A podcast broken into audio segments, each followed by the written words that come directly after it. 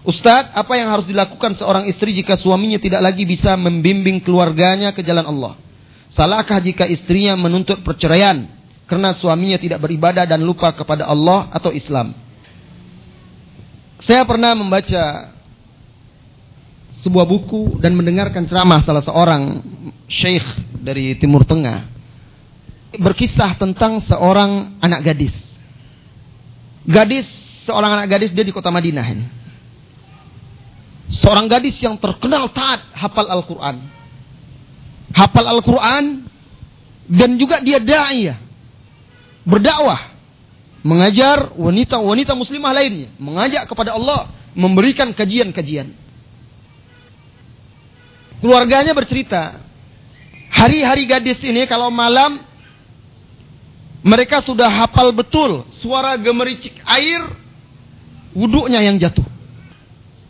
Dan suara isak tangis gadis ini ketika sholat malam dan berdoa kepada Allah mungkin akan sulit kita dapatkan di negeri kita atau di zaman ini. Dan keluarganya sudah lama menginginkan dia menikah. Ditanya kapan engkau menikah? Dia senantiasa mengatakan, hati saya mas saat ini masih terpaut kepada kitabullah dan beribadah kepada Allah. Tunggulah dulu, tunggulah dulu. Dan banyak sekali orang sudah datang untuk meminangnya. Siapa yang tidak mau gadis seperti ini? Tetapi ditolaknya karena faktor agama dan lain sebagainya. Sampai suatu ketika ibunya sudah tidak sabar lagi ingin mendapatkan cucu darinya, menimang cucu. Lalu dia katakan ada anak saudara kita, saudara jauh. Insya Allah orangnya bagus. Soleh, taat, dekat kepada agama Allah subhanahu wa ta'ala. Dan dia percaya kepada ibunya. Dia ingin menyenangkan, membahagiakan ibunya dan dia percaya saja apalagi ibunya sudah lama ingin sekali dia menikah dan dia banyak menolak pria-pria yang datang. Akhirnya dia tidak nazar. Dia percayakan saja kepada ibunya dan dia sibuk dengan ibadahnya. Dia hanya memberi satu syarat. Kalau di Arab Saudi itu pesta pernikahan mulainya jam 12 malam. Selesai subuh, beda dengan di sini. Orang pesta di sana malam, jam 11 atau jam 12 itu mulai. Jam 11 jam 11 selesai subuh. Itu kalau di Arab. Dan pestanya besar-besaran. Dan dia syaratnya satu saja. Acaranya dimulai petang hari dan harus sudah selesai sebelum jam 11 malam. Kalau tidak saya tidak menikah. Lalu keluarganya, ah, kamu gimana? Itu kan adat kebiasaan kita. Kalau seandainya apa kata orang, kalau kita lakukan ini itu dan segala macam, hanya ibunya yang paham kenapa anaknya seperti itu. Tapi akhirnya keluarganya mengiyakan juga. Kemudian datanglah hari hanya setelah ditunggu ditunggu. Datang hari hanya dan dia bersikeras janji harus ditepati. Hari pernikahan pun datang dan pengantin pun datang dia dipertemukan dengan calon suaminya. Biasa-biasa saja nampak oleh dia. Dan dia sedikit pun tidak ada suuzon, berburuk sangka. Sampai jam 11 malam dia bersegera meminta suaminya agar dia segera dibawa pulang. Akhirnya dibawa pulang oleh suaminya ke rumah suaminya. Kemudian sampai di rumah, masuk kamar mereka asik bercerita malam itu. Pengantin baru, cerita saja dong, cerita cerita cerita. Kau udah capek acara ya. Akhirnya suaminya tertidur karena lelah. Dari siang sampai malam tertidur. Gadis ini tidak tidur. Ketika terbangun tengah malam, suaminya itu di malam pertama. Terbangun tersentak dicari-carinya istrinya yang baru nih. Tidak bertemu sedikit pun. Suasana gelap. Cari-cari cari diraba-raba tersentuh. Sang istri sedang sujud sholat malam. Aneh. Malam pertama dia melihat kejadian sangat aneh. Tapi dia tidak peduli. Ya sudahlah capek saya tidur dia. Hari kedua betapa terkejutnya sang istri. Ternyata pria ini tidak seperti yang dibayangkannya. Tidak seperti yang diceritakan ibunya. Rumahnya itu penuh dengan poster-poster. Gambar-gambar artis. Pemain bola dan segala macam. Ada gitar, ada alat musik. Suaminya tidak pergi ke masjid sholat jamaah. Lalai, sering nongkrong-nongkrong. Sedih. Sedih. Bertolak belakang dengan keinginannya. Menangis dia. Tidak ada yang bisa dilakukannya selain daripada menangis kepada Allah Subhanahu wa taala. Dan dia tetap melayani suaminya, dan tersenyum kepada suaminya dan dia bersabar lalu dia berniatkan di dalam hatinya mudah-mudahan dia bisa berubah menjadi baik di tangan saya. Dan dia terus semakin rajin berdoa kepada Allah, semakin rajin berdoa kepada Allah. Kian hari suaminya itu kian jauh dari dia. Jarang pulang, pulang larut malam terus. Karena suka nongkrong. Sampai suatu ketika ini kesadaran suaminya. Dengarkan wahai para akhwat. Suatu malam suaminya pulang sudah capek, sudah lelah dari nongkrong. Tengah malam. Diketoknya pintu, dipanggil-panggil tidak ada. Akhirnya dibukanya pakai kuncinya. Rumah gelap, dicari di kamar juga tidak ada. Dicari, dicari, dicari, rupanya ada di musola. Di musola pelan-pelan masuk dia didengarnya terdengar isak tangis istrinya. Terdengar isak tangis istrinya merintih-rintih kepada Allah. Apa doa yang didengarnya? Rintihan istrinya. Istrinya merintih-rintih, Ya Allah sadarkanlah suami saya. Ya Allah saya mencintainya karenamu. Ya Allah saya menginginkannya menjadi hamba yang soleh. Anugerahkanlah dia petunjuk sebagaimana engkau telah membimbing saya. Dan terus dia berdoa untuk suaminya. Sehingga suaminya mendengar tersentuh dan menangis. Ternyata selama ini dia lalai. Sementara istrinya begitu memperhatikan bukan saja dunianya tetapi akhiratnya juga. Menangis sejadi-jadinya Lalu balik dia ke kamarnya, duduk menangis sampai ketika istrinya datang ditanya oleh istrinya kenapa dia menangis. Nah, di sini awal kesadarannya. Jadi maksud saya, kisah ini juga bisa dijadikan contoh istri-istri yang dia dapatkan suaminya dianggap tidak bisa membimbing keluarga ke jalan Allah, jangan putus asa.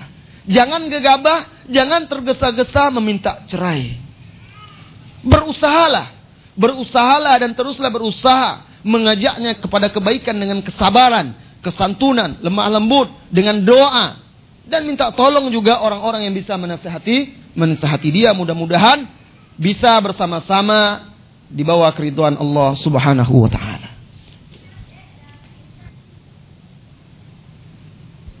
Bagaimana mensikapi seseorang yang mencela kita karena kita menangis membaca Al-Quran? Diam saja. Ya, diam saja. Diam saja dan kalau dia bersikeras juga, katakan kepada dia, kenapa engkau mencela saya menangis karena membaca Al-Quran? Engkau tidak mencela orang-orang yang menangis karena menyanyi, menangis karena putus cinta, menangis karena ini dan segala macam. Ada apa? Tanyakan kepada dia. Dan lebih baik bersabar ya. Bila dalam lingkungan keseharian kita adalah orang-orang yang kurang dalam taat kepada Allah, benar-benar kita seorang diri, Bagaimana ya Ustadz? Terasa berat sekali berjuang seorang diri. Apa kiat jitunya karena teman lingkungan sangat kuat sekali pengaruhnya. Apabila keberadaan Anda di tengah-tengah mereka, keberadaan Anda di tengah-tengah mereka tidak menghalangi Anda dalam menjalankan agama Allah, dalam menjalankan ketaatan dan bisa memberikan mereka kebaikan-kebaikan, mengajak mereka kepada kebaikan, maka bersabar di sana adalah lebih lebih baik dalam rangka berdakwah dan mengajak mereka kepada kebaikan. Kalau seorang diri cari teman, cari teman yang bisa. Insya Allah dengan kesabaran Allah akan berikan teman yang baik dalam berdakwah dan menjalankan agama ini. Kalau tidak juga memungkinkan dan tidak ada juga teman, malah kita tidak bisa menjalankan agama kita, maka hijrah, cari tempat yang lebih yang lebih baik di mana kita bisa mengamalkan agama kita dan bergaul dengan orang-orang orang-orang yang soleh. Allahu a'lam. Sebagaimana ashabul kahfi, mereka hijrah, meninggalkan kaumnya, tatkala mereka tidak lagi bisa menegakkan agama Allah Subhanahu wa taala. Jika kita mempunyai suatu masalah dengan diri kita, apakah boleh kita membicarakan pada orang lain walaupun segala masalah kita harus diadukan kepada Allah? Boleh. Boleh tidak apa-apa kita meminta saran. Setelah kita mengadu kepada Allah, mohon pertolongannya, kemudian kita meminta bantuan seseorang, meminta sarannya boleh. Ya. Dan itu dianjurkan di dalam Islam. Dicontohkan oleh Rasulullah sallallahu alaihi wasallam dan dan para sahabat. Di masa lalu kita melakukan suatu perbuatan dosa. Terus kita bertobat, tapi kita selalu ingat akan perbuatan dosa. Apakah tobat kita akan diterima? Tobat insya Allah akan diterima selama kita tidak mengulangi dosa kita. Kalau soal teringat, mengingat dosa itu sunnah. Mengingat dalam rangka menumbuhkan rasa takut kepada Allah subhanahu wa ta'ala. Pak Ustadz tadi diterangkan bahwa banyak tertawa bisa mengeraskan hati. Bagaimana dengan orang yang suka sekali bercanda agar orang lain tertawa? Tidak apa-apa agar orang lain tertawa, tapi jangan berlebihan, jangan melampaui melampaui batas. Kita tidak katakan diam, jangan tertawa. Jangan buat orang tertawa. Boleh membuat orang tertawa selama tidak dusta. Rasulullah Shallallahu Alaihi Wasallam juga mengatakan termasuk orang yang azabnya sangat keras, orang yang membuat suatu kaum tertawa dengan cara berdusta. Iya, orang yang melawak dan dia berdusta dalam lawakannya itu orang yang termasuk dosanya dosanya besar. Dan Rasulullah bercanda. Rasulullah juga humor, bergurau dengan sahabat-sahabatnya, dengan sebagian wanita juga. Tetapi beliau tidak pernah bohong dalam humorannya. Setiap kata-katanya benar. Iya, setiap kata-katanya benar.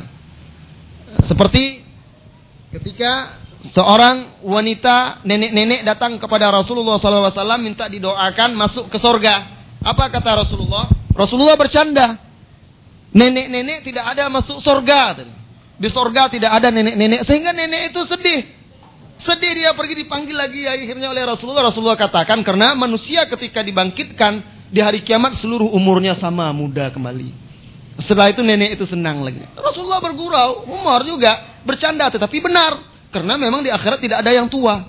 Nah begitu silakan bergurau, silakan membuat orang tertawa selama tidak berlebihan dan tidak bohong.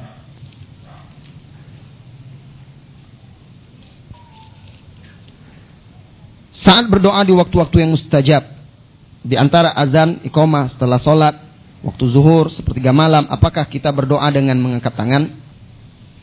Adab berdoa adalah mengangkat tangan.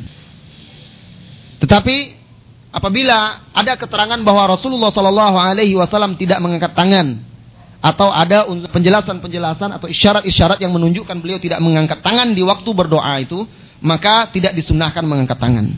Setelah sholat wajib, tidak ada keterangan yang menunjukkan Rasulullah berdoa mengangkat tangan, tetapi yang ada Rasulullah berdoa mengangkat tangan setelah sholat sunat dan bahkan tidak ada satupun riwayat Padahal disebutkan Rasulullah berzikir setelah sholat wajib, membaca doa juga, tetapi tidak diterangkan mengangkat tangan.